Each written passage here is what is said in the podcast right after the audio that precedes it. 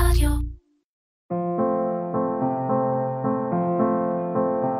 ברוכים הבאים ליורופ רידר, פותחים ספר לעתיד טוב יותר.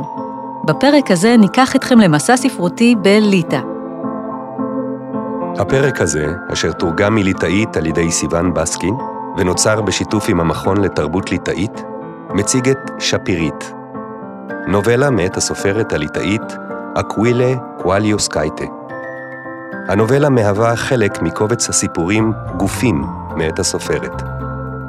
אקווילה קוואליאוסקייטה היא עיתונאית, סופרת ומרצה. היא נולדה ב-1988 בעיר אוקמרגה, ליטא. ב-2011 סיימה את לימודיה במכון ללימודי עיתונאות באוניברסיטת וילנה. בשנות לימודיה היא החלה לכתוב מאמרים לכתבי עת שונים. ב-2013 הייתה לאחת היוצרים של סדרת התעודה הפופולרית ליטאים מסביב לעולם. ב-2015 ראה אור הרומן הראשון שלה, שני חיים בקיץ אחד. כעבור חמש שנים, ב-2020, היא שבה אל עולם הספרות עם גופים, קובץ סיפורים קצרים. גופים הוא ספרה השני. הסיפורים משקפים פנורמה רחבה של גופים, מתמודדים עם המציאות הפיזית, ובנויים כקולאז'ים המורכבים מפרטים, מסמלים ומרשמים מרתקים. הספר זכה להצלחה בקרב הקוראים וקיבל ביקורות אוהדות. גופים זיכה את המחברת בפרס ספר השנה לשנת 2020. הפודקאסט הוא פרויקט משותף של מכוני התרבות האירופאים בישראל, והוא התאפשר על ידי תמיכה של יוניק גלובל ונשיאות סלובניה במועצת האיחוד האירופי. ועתה, נאזין לשפירית. סוף כל סוף, גם אמא אמרה שהגיע הזמן למכור את הבית. החדרים המרוחקים לא היו בשימוש זה זמן רב. נערמו בהם כל מיני כלי בית. היה צריך לצבוע את הרצפה מחדש, להחליף את הריפוד הישן ואת המטבח, ואילו מבחוץ, עץ חשוף מתפרץ מבעד לצבע הצהוב המתקלף, כאילו הבית עצמו משיל את אורו הישן. ומה נעשה עם זה? נופפה אמא בכיוון החניה המקורה.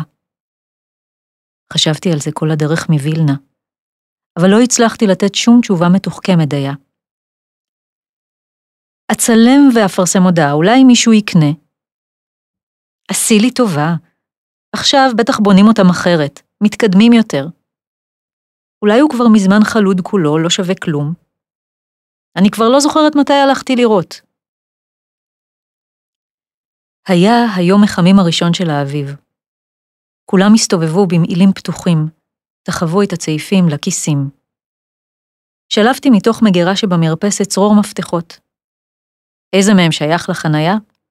אצבעותיי זכרו בעצמן. דלתות החניה החלידו, הן אפילו לא חורקות, אלא צווחות. השמש החודרת דרכן מאירה את השלד של מטוס דו-כנפי בין ארבעה מושבים. החלודה נגעה במסגרת הצבועת תכלת במקומות אחדים בלבד. הגה קטן, כמו הגה צעצוע, ארבעה מושבים שנתלשו אי אז מאוטובוס ישן. מסגרות הכנפיים נשענות על הקיר. המנוע נח מתחת לכיסוי בד ספוג שמן. על שולחן העבודה, שרטוטים מצהיבים, שעליהם צוירו חלקי המטוס אחד-אחד, שחושבו בשעתם עד לדיוק של מילימטר. אפילו בלי למחות את האבק, אני עוברת ממושב הנוסע לכיסא הטייס. עשיתי זאת בילדותי פעמים כה רבות. היו ימים שבהם הייתי מגבירה את הרדיו בחנייה, עוצמת עיניים ומתרכזת כל כך חזק בדמיון, עד שהרגשתי בגופי לחץ, כמו בעת המראת מטוס. הייתי עוצמת עיניים, אבל לא הלך לי. הייתי מתרסקת על קרקע המציאות לפני שהצלחתי להמריא. המטוס, שהיה פעם כה גדול בעיניי, נראה כעת קטן מאוד. כך גם הגן מאחורי הבית. כך גם הנדנדה, שרק עכשיו קלטתי אותה, זרוקה על וו מעל דלתות החניה. ובני האדם שאני זוכרת אותם, כלל אינם גדולים כעת, לא בגופם, אלא בעיקר במה שהם מסוגלים להכיל. כאשר ויטס ודנגואולה באו לבקר, ההורים הרשו לי לאכול ביחד עם כולם, ולאחר מכן גירשו אותי לחדר אחר, כי ילדים לא אמורים להקשיב לדיבורים של מבוגרים. הייתי מסתתרת מאחורי משקוף הדלת, וחיכיתי לשמוע איזה סוד, משהו שלא נועד לי. כלי המטבח צלצלו על רקע הטלוויזיה הדלוקה, וקולות המבוגרים החליפו זה את זה, שקטים בתחילת הערב, ועוצמתם עולה לקראת סופו. ההורים נראו כל כך מלאים, בעלי ניסיון חיים כה רב, כאילו הסתירו בתוכם שכבות שלמות של עניינים שלא היו ידועים לי, שאבין אותם כשאגדל. אבא היה המספר הטוב מכולם. הוא לא שכח דבר, לא נתקע, לא התפזר בהסברים ארוכים מדי. פרטים מרתקים אחדים, ומול עיניי עולה אימא צעירה, עדיין ארוכת שיער, או חזיר שנדרס על ידי משאית וצווח מכאב, או כדור פורח העולה לשמיים. אבא וויטס הוציאו על אותה טיסה את כל המלגה שלהם, ורק אחרי הנחיתה הבינו שהכדור היה קשור לעץ. אבל יותר מכל חיכיתי שאבא יספר על השפירית. עוד בימי בית הספר, הוא התערב עם ויטס על עשרה רובלים שיבלה שפירית חיה. החרק עוד התעופף במשך זמן מה בבטנו, כמו ציפור שנאבקת להשתחרר מכלוב. והיה צריך לחזור לשיעור. ואת מי המורה מזמינה ראשון לדקלם שיר? ברור שאת ליימונס קלבינסקס. התלמידים ליד השולחנות מסתובבים לראות. הלחיים שלהם מתפקעות מצחוק, ואילו אני מדקלם. הו, אביב אהוב, בז, כבר לא תמצא אותי, בז, אני אפרח כלענה, בז.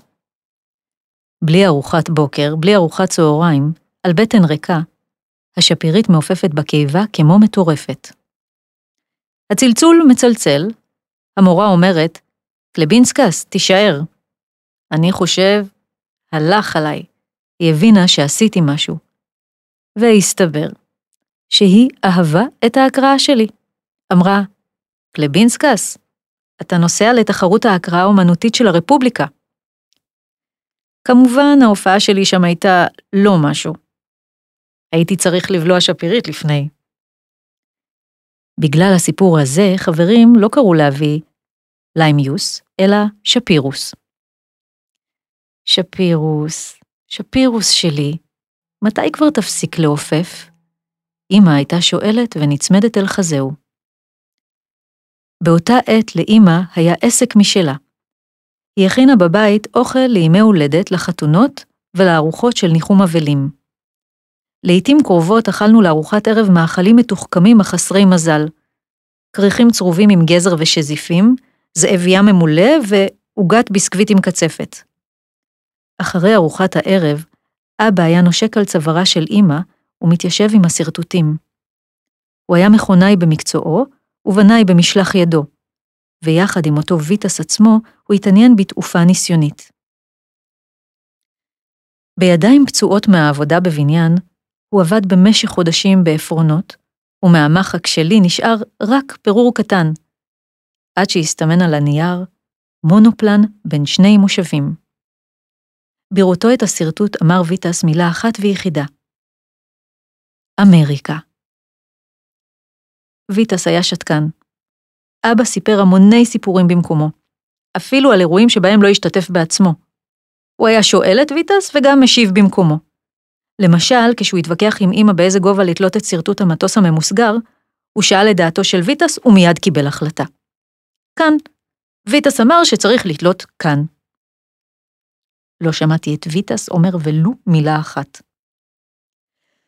ובכן, באמריקה, במדינת וויסקונסין, נערכו כנסים לתעופה ניסיונית. אבא שמע על אספנים ששילמו על מטוסים כאלה, שנבנו בחניות ובמוסכים, סכומים דמיוניים ממש. מאה אלף. לא ליטסים, כמובן, אלא דולרים. את מחצית הסכום אתה משקיע בייצור מטוסים חדשים, ומה שנשאר, תעשה איתו מה שבא לך. שפירוס, שפירוס שלי, מתי כבר תפסיק לעופף? אמא מעולם לא אמרה זאת בקול, אבל אני יודעת שהיא לא האמינה שאפשר לבנות בחנייה שלנו מטוס שממש עובד. ואם מישהו שאל מתי כבר אפשר יהיה לטוס, היא הייתה פולטת רק, היי, קטן, כאילו העניין לא היה ראוי לשיחה. אז, איש מאיתנו לא חשב שבניית המטוס תהפוך להיסטוריה המשפחתית היחידה שלנו, שראויה לסיפור מפורט ביותר. כל חיינו סבבו למעשה אך ורק סביב המטוס, כאילו שום דבר אחר לא היה קיים. כשמסגרת המתכת כיסתה את הלוחות, כשבמרכז התגלה לוח מכוונים עם כל הלחצנים והצגים הנחוצים, ומהצדדים צמחו כנפיים, אמא התחילה לחשוש ברצינות שיום אחד הם ממש ימריאו לאוויר. בעבודה בערבים, בסופי שבוע ובחופשות, ויטס ואבא בנו את המונופלן הדו-מושבי בתוך שנה אחת. אולי היו מצליחים גם מהר יותר, לולא המנוע, שלא הייתה להם כל דרך להשיג. בשבת כלשהי, כשהסתובבתי עם אמא בשוק, ראיתי על הדלפק חפץ מתכת מסובך עם פרופלור.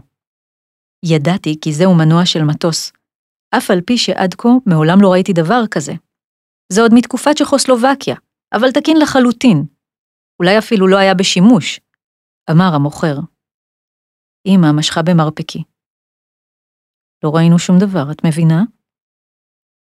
אבל לא יכולתי שלא לספר לו. עד עכשיו, אני חושבת שזאת הייתה הבשורה הטובה ביותר שהבאתי לאבא שלי אי פעם. אם תפתחי ככה את הפה עוד פעם, אשחט אותך בגרזן. החינוך של אמא היה קשוח יותר מזה של אבא, אולי מפני שהוא לא חינך אותי כלל. היה היום מחמים הראשון של האביב. כולם הסתובבו במעילים פתוחים, תחבו את הצעיפים לכיסים. מהחניה התגלגל ש"ב 2000 בצבע צהוב בוהק. ש"ב פירושו שפירית בבטן. 2000 פירושו הושלם בשנות האלפיים. ויטס פתח את שערי החצר, ביניהם בקושי עבר גרר מתנדנד. כולנו קפצנו במהירות לתוך המכונית וזינקנו אחריו. יום יפה כל כך ועוד יום ראשון. הרחובות היו הומי אדם, מכוניות ספרו, כולם בהו במטוס שלנו. ואילו אני נופפתי להם מהחלון של האופל העוקב אחריו, כמו הנסיכה דיאנה, שראיתי אותה בטלוויזיה. קודם כל, ויטס ואני נעשה סיבוב, ואם הכל בסדר, אז כבר נטוס אחד-אחד עם נוסע. אמר אבא, וצבט את הפי באצבעות קרות ולחות. אז הבנתי בפעם הראשונה מה פירוש הביטוי הלב מתפקע. אבא היטיב את הקסדה, ואילו ליבי שקשה כל כך, שלא הצלחתי להרגיע אותו אפילו כשלחצתי על חזי בשתי הידיים. הם השליכו על הפרופלור בקבוק שמפניה, ולאחר מכן הכל קרה במהירות עצומה. הגברים קפצו לתוך תא הטייס, אמא אטמה את אוזניי בכפות ידיה, אבל המנוע שאג בקול פחות חזק מכפי שכולנו ציפינו. הגלגלים הסתובבו במהירות הולכת וגדלה, עד שניתקו מהאספלט הסדוק במקומות אחדים. הרמתי את ראשי למעלה. השמיים לא היו תכולים, אלא כחולים בוהקים. ש"ב 2000 הצהוב נצץ בהם מרחוק. איך טסתי בעצמי במושב הנוסע כמעט איני זוכרת, אבל אני רואה, כאילו זה היה היום, את פניה של אמא, כשהיא הסירה ממני את הקסדה, עיניים לחות ענקיות. שני שליש לנו ושליש לאמריקה. אמא הניחה את הכסף בתיבת התכשיטים שלה, לצד שלוש טבעות כסף משחירות, שאחר כך היא הטיחה והזמינה מהצורף שרשרת בשבילי, לכבוד סיום בית הספר. אבל זה כבר היה הרבה יותר מאוחר. כשאבא וויטס השתגעו על אמריקה, למדתי רק בכיתה ד'. עדיין היו מגרשים אותי אחרי ארוחת הערב מהסלון.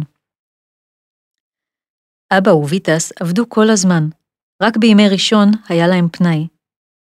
מיד אחרי היקיצה היינו נוסעים לשדות, שם עמד המונופלן שלנו ליד מסלול ההמראה של מטוסי הריסוס. אמא ודנגואלה היו מכינות תרמוס של קפה, כריכים ומלפפונים טריים. באותה עת פקדה אותי אהבה גדולה למלפפונים. אמא הייתה צריכה להתאמץ כהוגן כדי שאכניס לפה משהו אחר. לפני כל טיסה, הגברים היטיבו כל כפיס במטוס, כל צג וכל לחצן, ורק לאחר מכן המריאו מעל הערים והכפרים, מעל כל מה שנמצא על האדמה. עם המלפפון ביד, צפיתי בשמיים, עד שצווארי התחיל לכאוב. למעשה, את כל הילדות שלי אני זוכרת בשני המישורים הללו, מהאדמה לשמיים ומהשמיים לאדמה. היינו היחידים בעיירה שהיה להם מטוס משלהם. אולי בגלל זה החברויות הקרובות שלי בכיתה היו עם בנים. כולם ייחלו ולו ליום ראשון אחד שבו ייסעו איתנו לשדות ויראו את העיירה מהאוויר. היו גם כמה ימי ראשון שבהם ההורים השאירו אותי אצל סבא וסבתא וטסו לפלנגה, לחוף הים. הם חזרו מאוחר, והיו עייפים כל כך עד שנרדמו אפילו לפניי. ועוד אני זוכרת שבערבים אבא וויטס כתבו על שולחן המטבח מכתבים לאמריקה. אמא חיפשה במילון מילים שלא ידעו. ללא חיפזון כתבו כתובת על המעטפה, הכניסו פנימה את התצלום של ש"ב 2000 והדביקו את המעטפה. במכתבים הם הזכירו את דריוס וגירנס, וגם את פליקסס וייטקוס. שהמטוס הניסיוני הקטן שלו, ליטואניקה 2, גם כן חצה מעט יותר מאוחר את האטלנטי. כיום הוא קבור אי שם בוויסקונסין. My name is יון יונסון. I come from Wisconsin. אבא חזר כל הזמן על המשפט הזה עם פרצוף של נזיר שיצא מדעתו. עכשיו אני חושבת שלמרות כל הסיפורים, זה מה שהוא היה. נזיר שיצא מדעתו. זה היה צריך להיות רק עוד יום ראשון רגיל במסלול ההמראה. עם המלפפון ביד, צפיתי בגלגלי ש"ב 2000 שהלכו וצברו מהירות, עד שניתקו מהאספלט הסדוק במקומות אחדים. המטוס התרומם לגובה של חצי מטר אולי, כשאימא אמרה שמשהו לא בסדר. דנגואולה פלטה קללה. המטוס התנדנד כמו שיכור, נשמע מעין קול מתועב, וידיי אטמו את האוזניים בעצמן. זנב המטוס הצהוב השתפשף באספלט, משאיר אחריו ניצוצות, כמו אורות של חג המולד. אחרי שתפס איכשהו שיווי משקל, במשך זמן מה כלי הטיס התרומם לשמיים בתנועה חלקה, אבל לפתע נטה על צידו והחל ליפול על האדמה. זה היה רגע קצרצר, אולי כמה שניות, אבל אני זוכרת את זה בדיוק כה רב, שהייתי יכולה לצייר את זה פריים אחרי פריים. אמא ודנגואלה פרצו בריצה. זינקתי אחריהן, אבל לא הייתי מהירה מספיק. פתאום הן נראו קטנות מאוד, אי שם הרחק הרחק. מהמטוס כבר נפלט עשן. אור הבוקר הבהיר האפיל את עיניי. הגעתי למטוס בעיניים עצומות, שמעתי את קולו של אבא לפני שראיתי אותו בתוך העשן. זוזו. הוא לקח אותי על הידיים ונשא אותי בכיוון לא ברור. ראיתי איך אמא ויטס ודנגואלה רצים במרחב הרועד. כולנו נעמדנו ליד האופל שלנו. ויטס נראה בריא, ואילו מהרקה של אבא זרם נחל קטן של דם. אמא העבירה צעיף על הפצע. לא עמוק. שום דבר אחר לא כואב? הרגל, אבל זה בטח כלום. ליד המסלול נמצאה והתאספה במהירות חבורה של צופים סקרנים בתאונה. אמא מזגה להם קפה מהתרמוס וחילקה כריכים. ש"ב 2000 לא התפוצץ, אבל נשבר ללא תקנה. אבא, שבדרך כלל לא עישן אף פעם, ביקש מאחד הסקרנים סיגריה, הצית אותה ואמר, אז מה? סעודה אחרונה? הגברים גלגלו איכשהו את השברים על הגרר. כולנו קפצנו במהירות לתוך המכונית ויצאנו אחריו. יום יפה כל כך, ועוד יום ראשון. הרחובות היו הומי אדם, מכוניות ספרו, כולם בהו במה שנשאר מהמטוס שלנו. ורק אז קלטתי שאני עדיין מחזיקה בידי מלפפון. מלפפון המוכתם בדמו של אבא. אחרי כמה ימים קיבלנו מכתב מאיזה ליטאי אמריקאי שכתב שאבא וויטס מוזמנים להגיע לכנס בוויסקונסין. הוא מצא קונה למטוס וביקש 30% מהרווח. אבא הקריא את המכתב בקול. בין המשפטים נשמעו התייפחויותיה המאופקות של אמא. זה היה לא הוגן. לא הוגן ללא תקנה. הדבר הבריא והשלם היחיד שנשאר מש"ב 2000 היה המנוע. בערב כלשהו תפסתי את אבא בחדר האמבטיה. פלג גופו העליון היה עירום, והוא בחן את גבו בראי. צידו השמאלי היה בצבע כחול כהה. במשך זמן מה אחרי התאונה, עוד הופיעו על גופו סימנים כחולים חדשים, אבל הוא אף פעם לא התלונן שכואב לו. אמא הייתה רועדת מכל קול קטן ביותר, ואילו על אבא, האירוע כביכול לא השפיע כלל. לכל הסיפורים הוא הוסיף עוד אחד. איך הם יחד עם ויטס שברו את המטוס לחתיכות ונשארו בחיים. מאז אמא הייתה פותחת בבקרים של ימי ראשון את הספה בסלון, מכינה כריכים חמים, וכולנו היינו מסתדרים מול הטלוויזיה, כדי לצפות בקומדיות של סוף השבוע. אבא החזיק מעמד במשך חצי שעה לכל היותר. הוא בלע בחופזה את הכריכים וחזר לשרטוטים שלו. עד הקיץ, הוא וויטס זממו לבנות מטוס חדש, מטוס דו-כנפי בעל ארבעה מושבים בשם ש"ב 2001. אמא התנגדה לזה. התנגדה עד כדי שבירת צלחות וטריקת דלתות. תגידי, מי אשם במלחמה? טנקים או בני אדם? האם מכוניות אשמות בתאונות? האם וודקה אשמה שיש אלכוהוליסטים בעולם? אני אשם, לא המטוס, המטוס לא קשור. ויטס ראה הכל, את לא ראית כלום. הוא יודע למה המראתי בצורה כל כך מטופשת. ויטס אומר את כל מה שאתה אומר. בלילה ירד כל כך הרבה שלג, שהיינו צריכים קודם כל לפנות אותו מדלת החניה. יצאו שתי ערימות, שמהן בנינו ביחד מבצרים כדי לשחק במלחמת שלג. אבא לא קלע בי ולו פעם אחת. אני קלעתי בכולם. הוא הניח לי לנצח לעתים קרובות, לא משנה באיזה תחום. הייתה חופשת חורף, הימים שבין החגים, וההורים לא דיברו ביניהם. מהבוקר עד הערב שרצתי בחניה. אבא עבד בשפתיים חתומות ובידיים זריזות, כאילו בנה לא את המטוס השני שלו, אלא את המטוס המאה. כשהוא רחן על השרטוט מתחת למנורה, הופיעה על רקתו צלקת ורודה, שצורתה הזכירה ברק. אמא הייתה נכנסת רק לפני ארוחת הצהריים. בלי מילים היא הזמינה אותנו לשולחן. אני, אבא וויטס בלסנו את מה שהעמידה לפנינו וחזרנו לעבודה. אבל אותו יום היה שונה. אמא ערכה את השולחן, כתמיד לארבעה. איפה ויטס? לא יודע. אולי הוא לא מרגיש טוב. בכל אופן, חג היום. בדיוק באותו רגע צייץ הטלפון. דנגוולה מצא את ויטס שרוע ליד דלת הכניסה. הלב. אחרי ההלוויה, אבא אפילו לא נכנס הביתה. מיד פתח את החניה והתחיל לעבוד, לחתוך, להלחים ולקלל. כבר באותו ערב הוא הציג את השלדה. מחתיכות נפרדות הורכבה במהירות המסגרת שנצבעה בצבע תכלת טרי. לוח המכוונים נצנץ בלחצנים ובצגים. הוא התנהג כאילו שום דבר לא קרה. דיבר על ויטס כאילו הוא היה בחיים.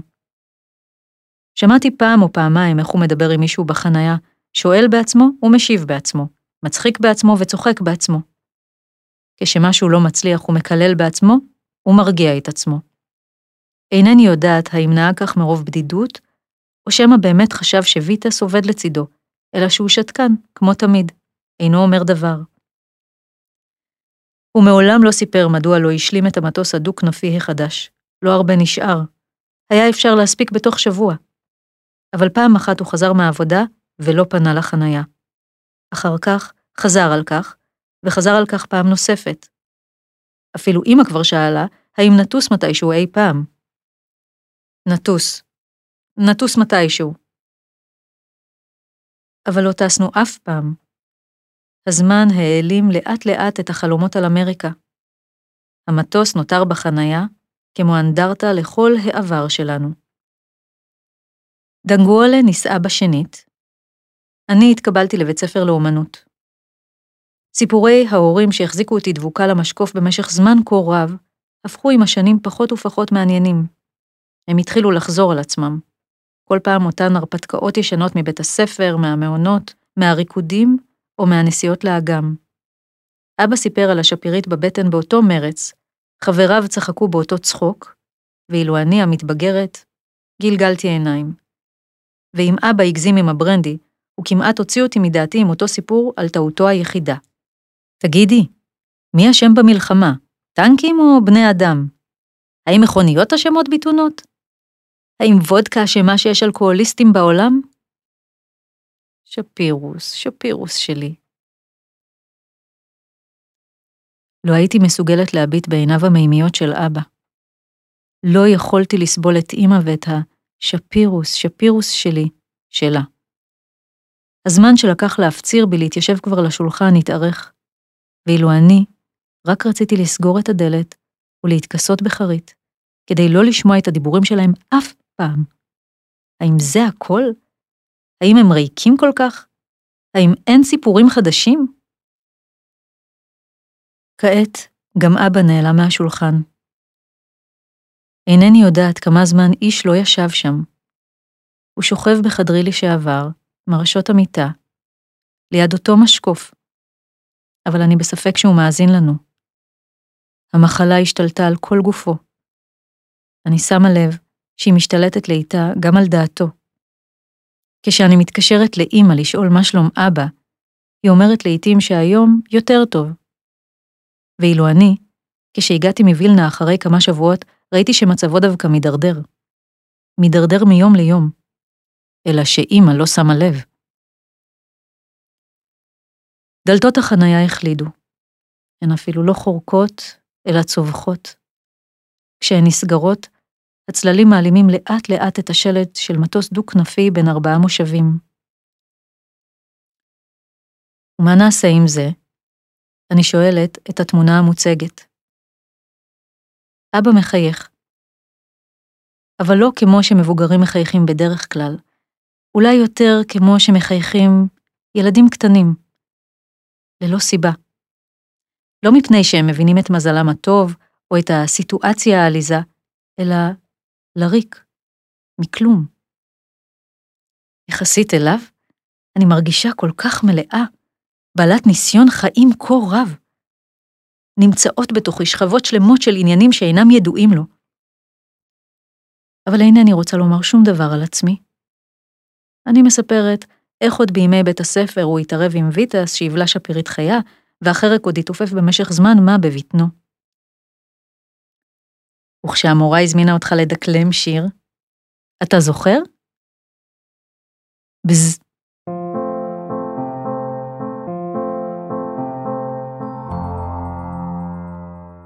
הוקלט באולפני אדיו, המשווקת את ספוטיפיי בישראל.